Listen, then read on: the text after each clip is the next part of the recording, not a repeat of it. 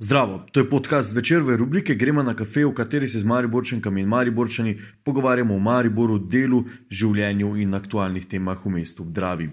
Na kavo smo povabili Nevo Pipan, zaposleno v kabinetu Mariborskega župana kot koordinatorico aktivnosti, ki pokriva področje, ki je povezano s pobudami občanov. Je tudi vodja projekta Izboljšajmo Maribor. V preteklosti se je ukvarjala z glasbo, zaključila študij socialnega dela in turizma, zdaj dela magisterij iz menedžmenta pametnih mest. Zaposlena je bila v gospodarstvu na področju turizma, pa na Ministrstvu za delo in na javnem štipendijskem skladu od marca 2019, pa je zaposlena v kabinetu Mariborskega župana Saša Arsenoviča. Z Nevo Pipan smo se pogovarjali preko spletne aplikacije Zoom in pili kavo nadaljavo. Neva Pipom, pozdravljeni na uh, večerovem kafeju, tokrat ga pijemo nadaljavo. Um, imate kavo ob sebi ali ste že kavo spili? Ja, Evo, imam kavo ob sebi. Uh, kako, kako nujno je to za vas, um, kava, um, je to ob sestankih, pred sestanki, zgodaj zjutraj? Moja kava se je začela štiri leta nazaj, ali pet let nazaj, mogoče prej nikoli nisem kave pila. Pa sem ugotovila v nekem trenutku, da je vedno problem, kamorkoli prideš, vedno ti ponudijo kavo in ti prvo gostitelja vedno zavrneš.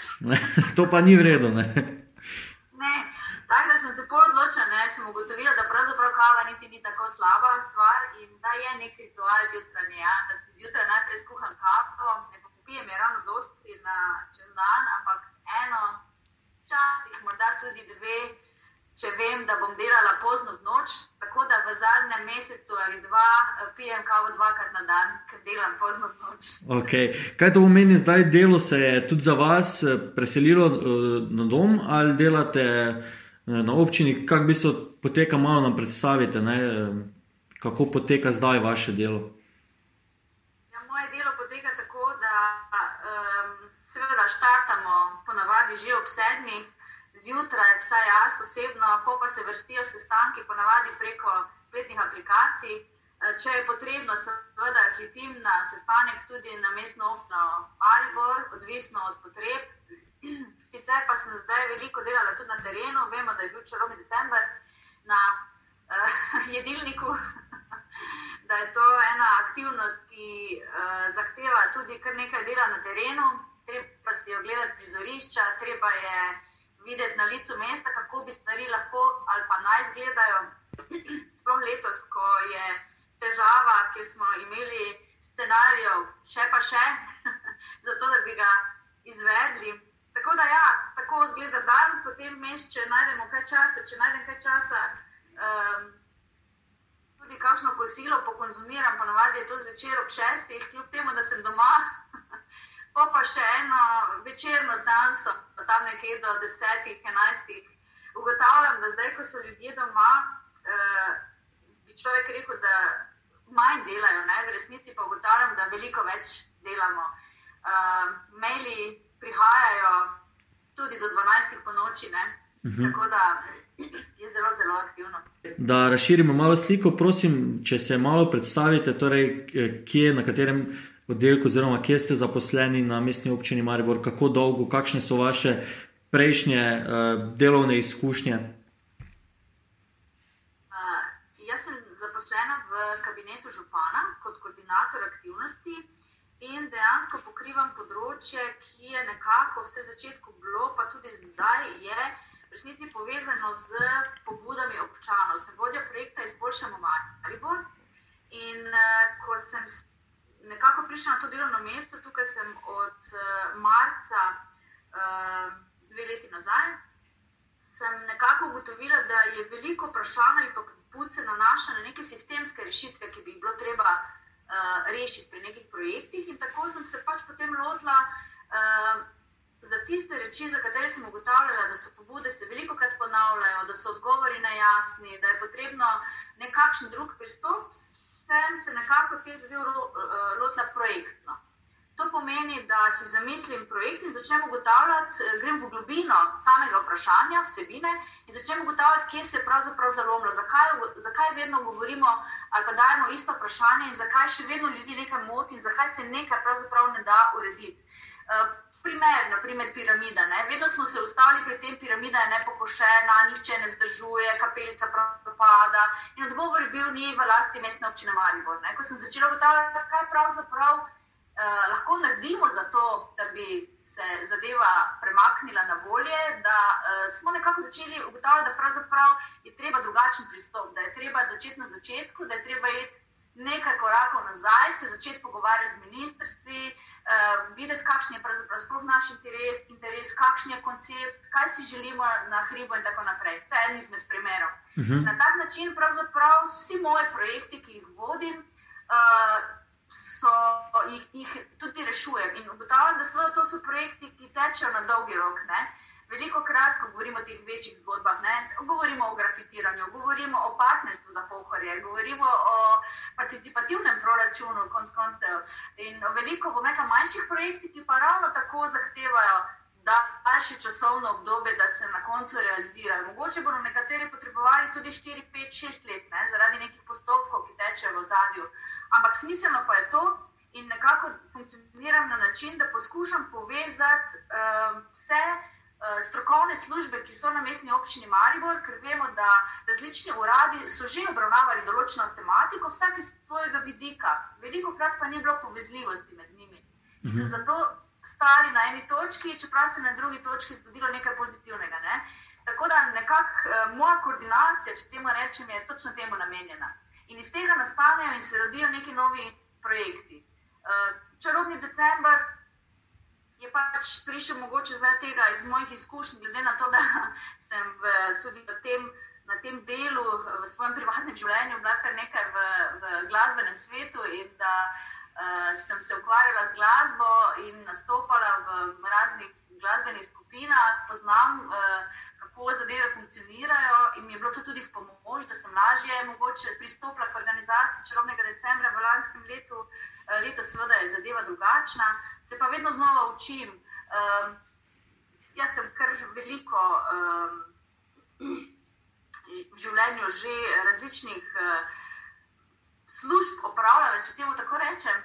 Uh, moje delo je bilo zelo razgibano in to je tudi moj moto življenja. Rada uživam v izzivih in uh, zato tudi uh, želim, da se projekti začnejo in tudi zaključijo, oziroma da jih ne pustim odprte, pa tudi če trajajo vem, dve, tri, štiri ali pet let.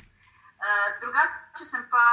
Predtem smo imeli družinsko podjetje, socialno delo sem najprej končala, potem sem zaključila uh, turizem. Eh, zdaj dela magisterij iz management pametnih mest. Uh, tako da eno, imam kar en širok pogled. Uh, imeli smo predtem svoje uh, privatno podjetje, uh, torej sem bila v gospodarstvu, potem sem delala na področju turizma kar deset let, uh, na to pa sem bila zaposlena na Ministrstvu za delo in pa v, na javnem štipendijskem skladu. Kjer sem upravljala tudi različna dela, od PR službe do, do skratka, na različnih uh, delovnih mestih. Tako da moram reči, da so mi vse te izkušnje skozi te različne službe uh, dale eno široko sliko in se veliko lažje pri do, tudi pri določenih projektih uh, znajdem. Temu tako rekla, ker vse približno poznam ali pa vem, na koga se naj obrnem. Okay, zdaj so v v bistvu enem delu zaključna faza, oziroma del um, projekta, ki seveda traja eh, dlje časa, se zaključuje v četrtek, uh, torej glasovanja ne, za, za predloge, uh, za participativni proračun. Um, um, mogoče malo razložite, zdaj, v kateri fazi vse skupaj je to, pa številke, uh, koliko pobud je prišlo, kakšne so bile, uh, glede na število, ne, je težko opisati vse, ampak vseeno, mogoče par, par primerov. Uh, in kako zdaj bi se vse skupaj poteka, kakšni so odzivi ljudi.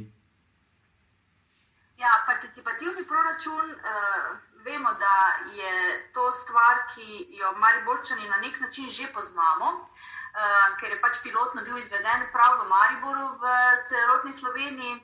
Um, morda ni bilo takrat uh, prave politične volje za to, da se zadeva vede tudi do konca, tako kot je treba, čeprav pa tudi, če, tudi drugih resursov, ki so potrebni za to, da se tak proces izpelje. Um, moram reči, da je tudi takrat bil pilotno na enem manjšem območju, tako da večina občanov, ta drugih, morda niti ni bila seznanjena s tem, da participativni proračun teče, razen v tistem delu, v tisti mestni četrti, kjer se je dejansko odvijal. Uh, kasneje je seveda bil ponovljen v letu 2018. Uh, mi smo se pa potem tega lotili na način, da smo rekli in preučili dejansko, kako je potekal v tem času, v tem obdobju 2015 do 2018, tudi v drugih občinah in nekako poskušali njihove izkušnje uh, prenesti uh, pri tem, ko smo pripravljali svoj model participativnega proračuna. Participativni proračun je torej en mehanizem, kjer ljudje lahko neposredno odločajo o nekem manjšem delu proračunskih sredstev in sicer na način, da predlagajo svoje predloge projektov, ki so potem uvrščeni na nek seznam za glasovanje in potem za te projekte tudi glasujejo. No, prvo fazo takšnega projekta, eh, torej tega eh, procesa eh, participativnega proračuna, smo že izvedli. Se pravi, dobili smo, ko smo predlagali predloge, občani so predlagali predloge, 330 predlogov je bilo predlaganih na celotnem območju mestne občine Maribor. Mi smo razdelili ta območja na štiri območja, združevali smo mestne četrti skupaj in krajovne skupnosti skupaj na levem in desnem bregu. In, in zdaj iz, uh, je nekako se zaključila faza uh, spremljanja oziroma uh, presoje teh projektnih predlogov in uvrščanje teh predlogov na seznam za glasovanje. To je opravila strokovna komisija, ki je bila sestavljena iz zunanjih članov, in pa iz eh, predstavnikov uradov mestne občine Maribor. Šestčlanska komisija je bila, ki ni sodelovala pri pripravi modela, ampak je delovala popolnoma neodvisno. In ta komisija je pregledala vse projektne predloge po določenih vsebinskih kriterijih, eh, vsebinskih merilih in kriterijih. In jih uvrstila na seznam za glasovanje. In tako je uvrstila na seznam za glasovanje 131 predlogov, ki so zdaj trenutno preko aplikacije uh, Čuj sodeluj, jih lahko seveda najdemo na spletu, maribor sodeluje.si. In uh, takrat, da tam lahko po posameznih območjih pogledamo predloge, ki so bili dani na to listo, in se registriramo, tako kot pač teče postopek, tako kot bi bil podoben postopek pri tem, ko smo predlagali predloge, se zdaj registriramo in tudi izvedemo glasovanje. In sicer glasovanje izvedemo po principu košarice, to poznamo, zdaj v teh časih smo se vsi že naučili nakupovati preko spleta in zelo podobno eh, deluje tudi to. To pomeni, na voljo imamo 40 tisoč evrov, izberemo eno območje, v katerem bi želeli glasovati in naložimo projekte do vrednosti 40 tisoč evrov, ki so nam všeč. In ko se košarica zapolni, seveda ni možno več glasovanja naprej. In uh, na tak način bo potem sistem sam izračunal število uh, glasov, ki jih je posameznik projekt prejel na določenem območju. Um, predlogi so zdaj na, na spletni strani, um, tudi kampanja se mi zdi, da je bila uspešna, oziroma da smo jo zaznali po mestu na spletu. Uh, Um, koliko ljudi pa se je zdaj v teh dneh, še, še vedno so še tri dni, oziroma dva dni do, do konca glasovanja, koliko ljudi je šlo in napolniti zdaj to košarico? Imate moče podatke? Ta podatek ravno čakam. Od uh, danes je nov dan, je tisti, ki uh, v bistvu. Um, menedžerirajo tole aplikacijo in administrirajo aplikacijo. In ravno danes čakam na podatke, da mi izberejo, koliko ljudi se je odločilo za glasovanje. Lahko pa rečem iz izkušnje, se pravi, ko smo šli v prvo fazo, kjer so ljudje predlagali predloge. Da uh, večina nas, očitno je taka naša narava, da vedno čakamo na zadnji trenutek. Tako se je zgodilo tudi pri oddaji predlogov. In uh, smo zadnji dan dobili, oziroma zadnja dva dni, čeprav je bilo na voljo skoraj cel mesec, smo dobili 150 predlogov. Ne?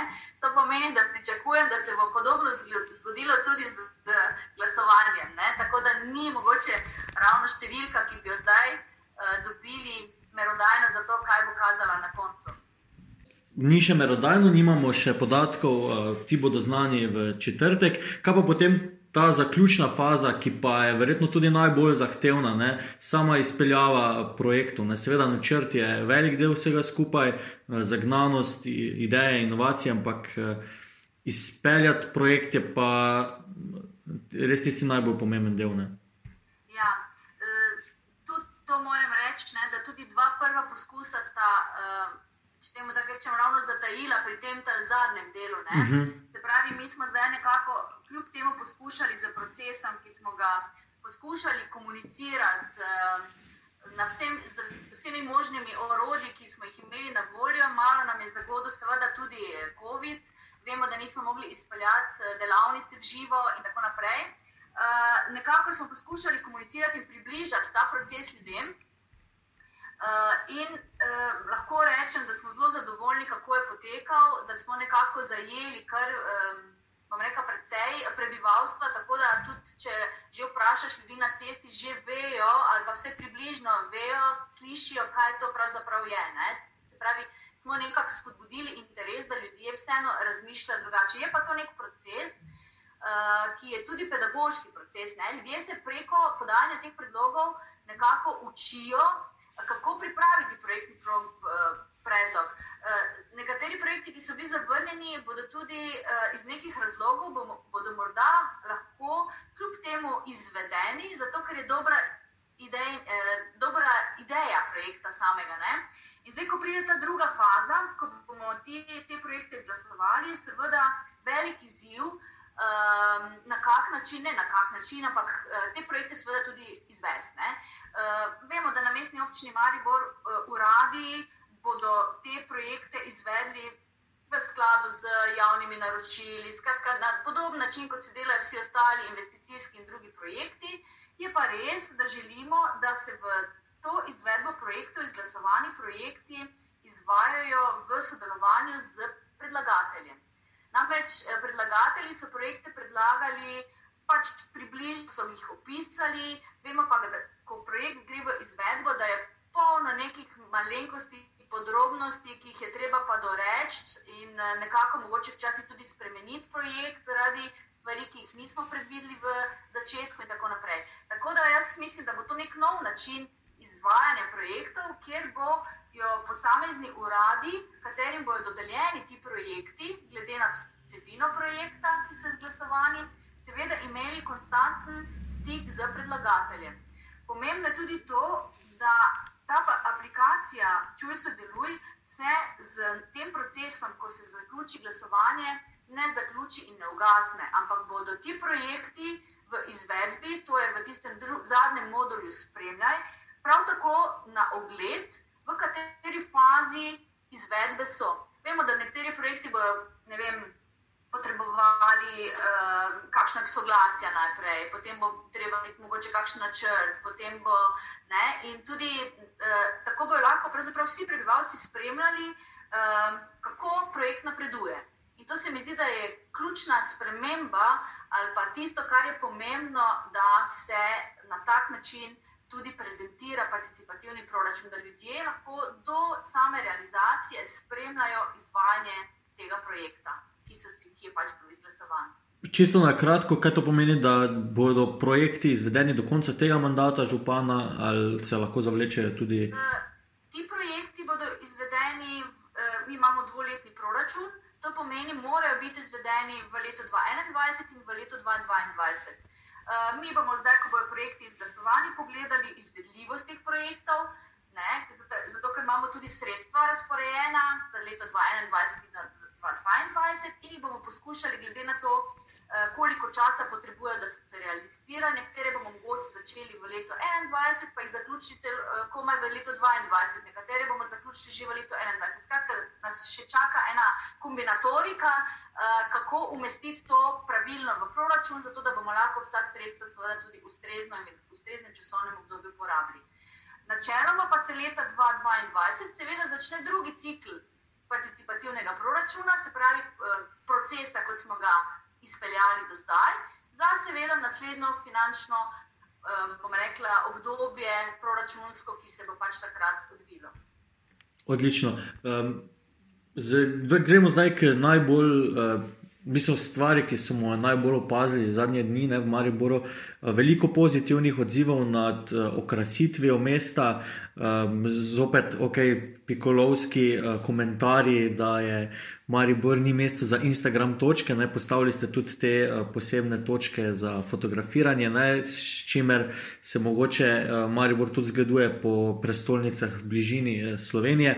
Um, Kako ste, recimo, letos sploh izbirali? Ne? Vidi se, da je ukrasitev Maribora uh, letos premišljena, za, za razliko mogoče od zadnjega desetletja, ko se pa velike spremembe pri tem uh, niso dogajale, pa upam, da to zdaj um, ne, ne sekam preveč mimo s tem komentarjem, ampak vsaj jaz nisem tega opazil. No? O čem ste razmišljali, eh, ko ste letos pripravljali to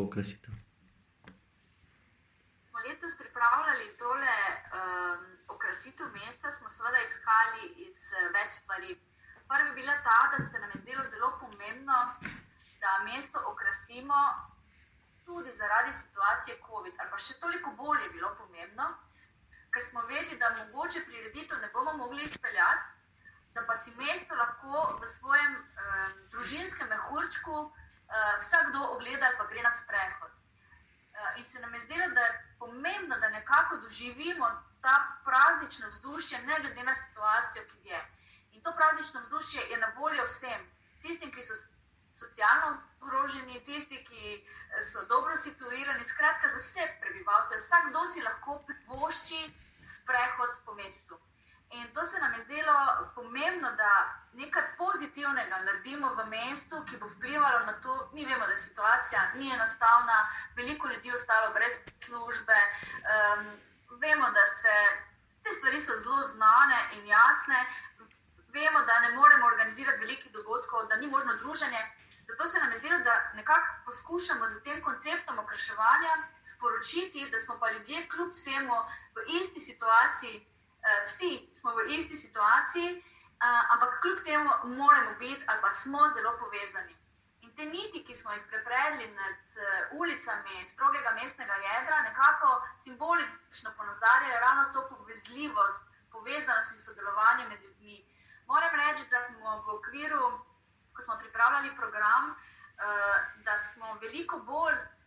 Tudi tisti, ki sodelujemo pri programu, tudi po običajnih, uh, glede programa, po običajnih uh, postopkih, in pač vsako leto enako, nekako drugače smo povezani, zaradi tega, ker se moramo kar naprej prilagajati, kar naprej iskati rešitve, kar naprej se situacija spremenja in nekako se učimo drugega, drugačne vrste sodelovanja, kot smo bili prej. In se mi je zdelo, da je mogoče ravno to poanta tega, da če se ne bomo povezali, če ne bomo drug drugega razumeli, bomo zelo težko shajali.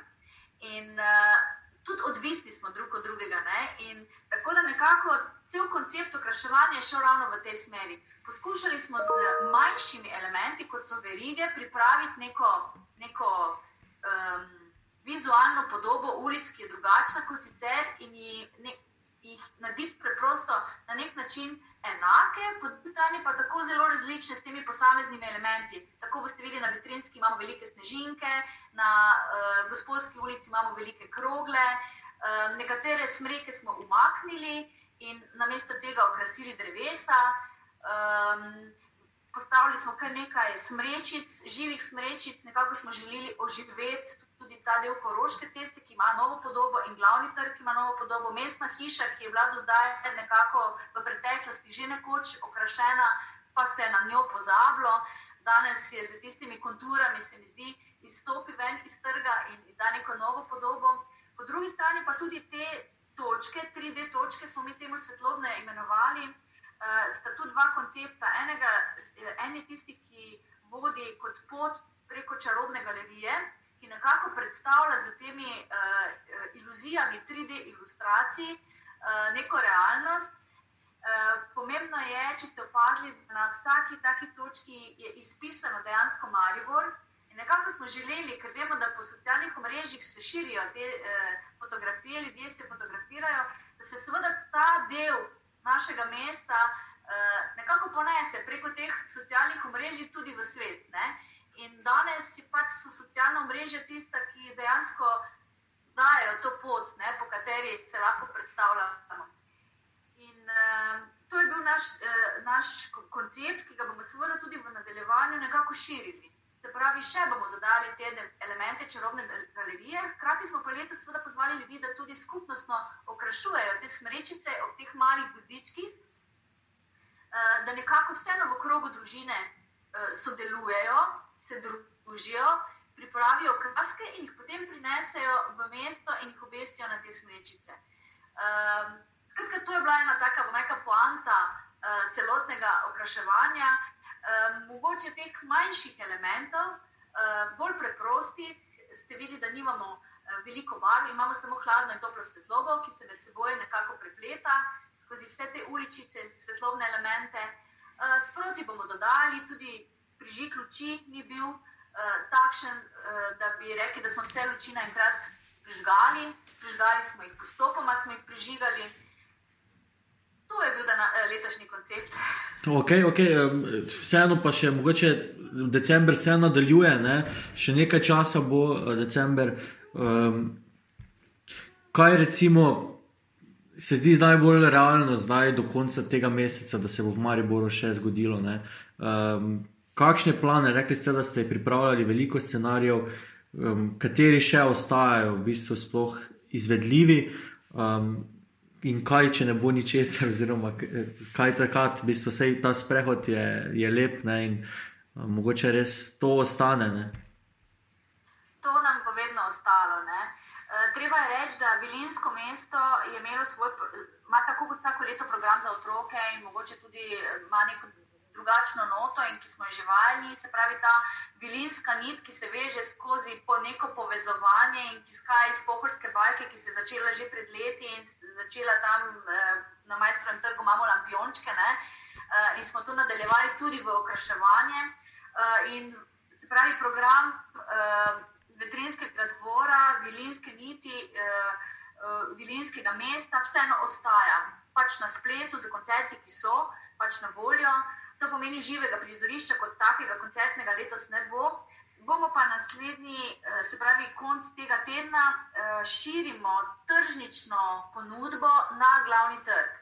To pomeni eh, mariborske tržnice, že iz tega razloga, ker je potrebno, mi vemo, da se na tržnici zelo koncentrira veliko število ljudi, bomo dostavili pač dodatne hiške dali na, trg, eh, na glavni trg in s tem na nek način pričarali tudi semsko vzdušje, čeprav v resnici ni, ne, gre za tržnično ponudbo, um, ki je podobna uh, tisti na glavni tržnici. Se pravi, gre pa za darilni program, pravi, eh, to pomeni za izdelke, ki so povezane z uh, gastronomijo in so v obliki daril pripravljene, tako da jih ljudje lahko kljub temu kupijo. Um, in 15 takšnih hiš bo na voljo na glavnem trgu, ki bo razporejene vzdolž uh, ulice. Če bi si predstavljali, tako kot je prej potekala ulica po Koroški uh, cesti, se bo, bo, bo to prizorišče. Mi bomo poskrbeli za vse uh, ukrepe, takšne kot so na tržnici in potrebni za tržnično dejavnost. Um, tako da to zagotovo bo. Um, kaj drugega pa si letos žal najverjetneje ne bomo mogli privoščiti. Tudi ne računamo, da nam bo uspelo, glede na situacijo, ki se kaže, kakršen koli silvestrski uh, zaključek leta prirediti na glavnem trgu ali pa na kakršnem koli drugem prizorišču. Um, vsekakor nam bo pa ostalo vse to, kar se dogaja preko spleta. Uh, rada bi rekla pa še to, da smo seveda v okviru čarobnega decembra lani pričeli tudi z dobrodelnimi akcijami zdelo se nam je pomembno, da čarobni decembr uh, je vedno v nekem delu tudi namenjen socialno ogroženim, oziroma da nekako, pa ne samo socialno ogroženim, tisti, ki so bodi si socialno šibkih družin ali pa tisti, ki potrebujejo pomoč. Lani smo tako zbirali z prodajo kozarcev, če se spominjate. Uh -huh. um, sredstva in smo izbrali 8000 in nekaj za fantka Matijo, ki je šel na zdravljenje za cerebralno paralizo in je bila operacija zelo uspešna, česar smo zelo, zelo veseli, da smo lahko prispevali nekaj zraven. Uh, po drugi strani pa letos nekako poskušamo prav tako uh, nekaj sredstva nameniti uh, v okviru čarobnega decembra določenim ciljnim skupinam, ki si dejansko tega ne more privoščiti. Uh, od materinskega doma do zvezde. Povezali smo se in Zvezo prijateljev mladine in uh, z veliko inštitucijami, tako da bomo nekaj sredstev tudi temu namenili letos. Hkrati pa na tržnici Mariborski uh, imamo vrečko srečko, veliko košaro, kjer smo se povezali z društvom Upornik in um, ljudem, se pravi starostnikom, ki imajo nizke pokojnine, omogočimo svežo. Eh, vrečko, sveže zelenjave in drugih dobrin, ki jih pridelajo uh, pridelovalci oziroma tisti, ki prodajajo na tržnici. Tako da to že deluje in vsaki drugi dan jim seveda te vrečke tudi odnesemo na dom. Moram reči, da je odziv uh, res krasen, da so ljudje izjemno veseli in presenečeni. In uh, mislim, da smo vsi zelo zadovoljni, ko vidimo, kakšno srečo nekomu uh, s tako drobnimi stvarmi, ki so nekaterim samo po sebi umevne, lahko nekomu pričaramo čist neko, neko drugo zgodbo. Ne? In to se mi zdi, da vse skupaj polni, da še bolj intenzivno delamo na tem in da ne bomo nikoli uh, spustili čarobnega decembra, brez da bi hkrati, ko naredimo velike prireditve, pomislili tudi na tiste, ki si morda. Ne morejo privoščiti ne teh prireditev, ali pa še mogoče Eh, tudi česa drugega. Okay, gremo še k neki viziji. Ne? O čarobnem decembru v Mariboru v prejšnjih letih ni bila prepoznana, več čas se je govorilo o tem nekem potencialu mesta, ki ima staro mestno jedro, eh, zdaj je urejen glavni trg, eh, vidi se, da se z neko premišljeno strategijo da Maribor decembra narediti še bolj pravličen. Kaj pa v prihodnjih letih bodo najbolj vabili, recimo tudi turiste v tem času, ker vseeno je, je decembr čas, ko se veliko troši ne, in veliko potuje, se bo vabilo z, vem, s koncerti, z, z sejmi, z drsališči. Imate morda že razdeljeno vizijo za prihodnje, ali bo ta decembr res namenjen predvsem meščanom Maribora? Ne, jaz mislim, da je pomembno predvsem to, to smo, to smo recimo zdaj videli, ko smo mesto malo drugače okrasili, kako zelo je pomemben ta moment in kako zelo so ljudje potrebovali to, da so lahko ponosni in da lahko povabijo nekoga, da pride pogledati njihovo mesto, v katerem živijo. Jaz mislim, da eh, in tudi smo se že pogovarjali, cel ta uh, koncept, ki smo zamislili že letos, seveda prenašamo na drugo leto, ker ga pač nismo mogli izvesti. In v nadaljevanju si seveda želimo, da postane uh, Maribor mesto, kamor bodo ljudje radi prišli, ne samo na eno prireditev. Pač pa tudi ostali v mestu in začutili vse to, kar lahko mi ponujemo. Ne? Se pravi, na eni strani te prireditve, čarobnost tega mesta, sam izgled, po drugi strani pa tudi imamo pohorje, kjer bodo prišli mogoče počitnice, na počitnice, tudi če ne smučajo, ne? zato da bodo v mestu lahko nekaj doživeli. In to je zagotovo naša vizija, in s tem se že pogovarjamo. Zavod za turizem že kujemo načrte za naslednje leto, kujemo že načrte za naslednje okraševanje. Uh, vedno smo malo zamujali, vse v teh dveh letih, mi zdaj načrtujemo, da bomo naslednje leto drugačen pristop ubrali. Ker vidimo, da je to zgodba, ki mora biti celovita, se pravi, okraševanje mesta, in pa prireditve in dogodki morajo iti z roko v roki in istočasno, ker samo tako dobimo en celoten paket, ne, ki je ne zanimiv samo za uh, nekoga, ki pride na uh, obiskovalca ali pa turista, pač pa tudi za, za nas, za domačine, da se v tem mestu počutimo prijetno. Ne. Rekli ste, da skrbite za, za, to, za ta projekt Izboljšajmo Maribor. Ne? Eh, kako ga izboljšati v naslednjih dveh letih, vsaj, oziroma dolgoročno? Uh, Eh, s kakšnimi projekti, eh, s, s kakšnim razmišljanjem? Zelo eh, splošno vprašanje. Ja, ja. Uh, izboljšati Maribor, jaz mislim, da smo na dobri poti. Se pravi, po eni strani moramo imeti, uh, ali pa jih že imamo, uh, neko strategijo, kako priti do nekega cilja, seveda si pra, pravilno postaviti cilje in videti mesto kot širše, ne samo kot posamezne segmente, ne, ne samo v smislu infrastrukture. Infrastrukturnim projektom je treba vdihniti, vdahniti življenje, ne, to je pomembno in to zasledujemo. Um, če boste pogledali primer, bom dala naprimer Ljubljanski podvoz. Ne, ki smo ga zgradili na novo, eh, pod železniško uh, progo, uh, vdahnili smo nek, neko drugačno življenje. Tam je nastala galerija na prostem, ki se stenske poslikave, ki jih prej ni bilo. Uh, tam lahko vidite tudi razstavo, uh, Maribor na poti skozi čas, ki je popolnoma uh, nova razstava. Skratka, gre za to, da nekako poskušamo na dolgi rok uh, to vizijo z konkretnimi projekti peljati uh, celostno in celovito. Ne samo za strogo mestno jedro, ampak vedno je tako. Vsa mesta začnejo v strogem mestnem jedru in potem to širijo v, svoje, svojo okolico. In tako se začne tudi tukaj. In mislim, da kar se tiče izboljšanja Maribor, ni samo to, kaj naredi mestna občina Maribor, ampak tudi to, kako prebivalci dojemajo svoje mesto in kaj lahko sami prebivalci naredijo za to, da bo življenje v mestu boljše, lepše. Participativni proračun je en izmed njih, ki lahko konkretno predlagajo in sodelujejo, so pa tudi druge zgodbe, ko se bomo pogovarjali vem, naprimer, o odstranjevanju grafitov ali pa novih površinah za ustvarjanje, za spodbujanje kulture.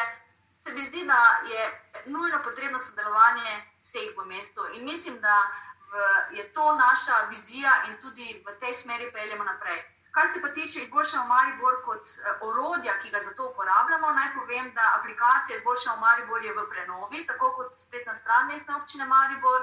In tale aplikacija bo, jo pre, preurejamo, jo dopolnjujemo in bo delovala po principu, kot je deluje zdaj ta participativni proračun. Se pravi, isto odprta kodna uh, spletna platforma, ki jo predelujemo zato, da bo čim bolj prijazna uporabniku in da bo čim več omogočala tudi v zalednem delu in bomo veliko lažje uh, upravljali z vsemi temi pobudami in jih potem seveda na koncu izvedli v dobro nas vseh. No? Tako da kar na veliko različnih nivojih in področjih delamo zato, da bi lažje uh, nekako te cilje naše dosegli. Odlično. Še za konec, uh, ker smo uh, čez vašo uro, tako da vas verjetno čakajo nove obveznosti. Um, če se si želite v Mariboru, na kratko. Uh, jaz si želim v mestu um, veliko pozitivnih misli. Uh, vemo, da smo Mariborčani zelo posebni v različnih pogledih da smo lahko rekli zelo serboriti, takrat, ko je treba. um, ampak veliko, želela bi si več aktivnosti, aktivnosti ljudi, da pristopijo, da pogledajo včasih stvari tudi z drugega zornega kota in da imajo odprte oči uh, in ušesa za vse, kar je dobro in prijazno. Ker se mi zdi, da ogromno projektov imamo na dlani in je pomembno, da slišimo drug drugega in takrat, ko vidimo, da pravzaprav govorimo isto zgodbo, vsi skupaj, samo da gledamo z različnega zornega kota, se mi zdi, da je najbolj pomembno to, da se slišimo in da vidimo, da pravzaprav imamo vsi isti cilj. Tudi tisti, ki nergajo, imajo pravzaprav veliko krat isti cilj kot mi vsi skupaj. Ne? Želijo živeti drugače ali pa boljše. In jaz mislim, da je to ključno. Samo pot do tja je mogoče različna. Odlično, Evo, eh, hvala, da ste si vzeli uh, čas za nas. To je bil podcast večerove rubrike Gremo na kafe, pogovarjali smo se z Nevo Pipan. Jaz sem jih Dajčman, pod tem imenom me najdete na Instagramu, Twitterju in Facebooku. Do zanimivih večerovih vsebin dostopate s klikom na vecel.com. Vabljeni k poslušanju večerovih podkastov.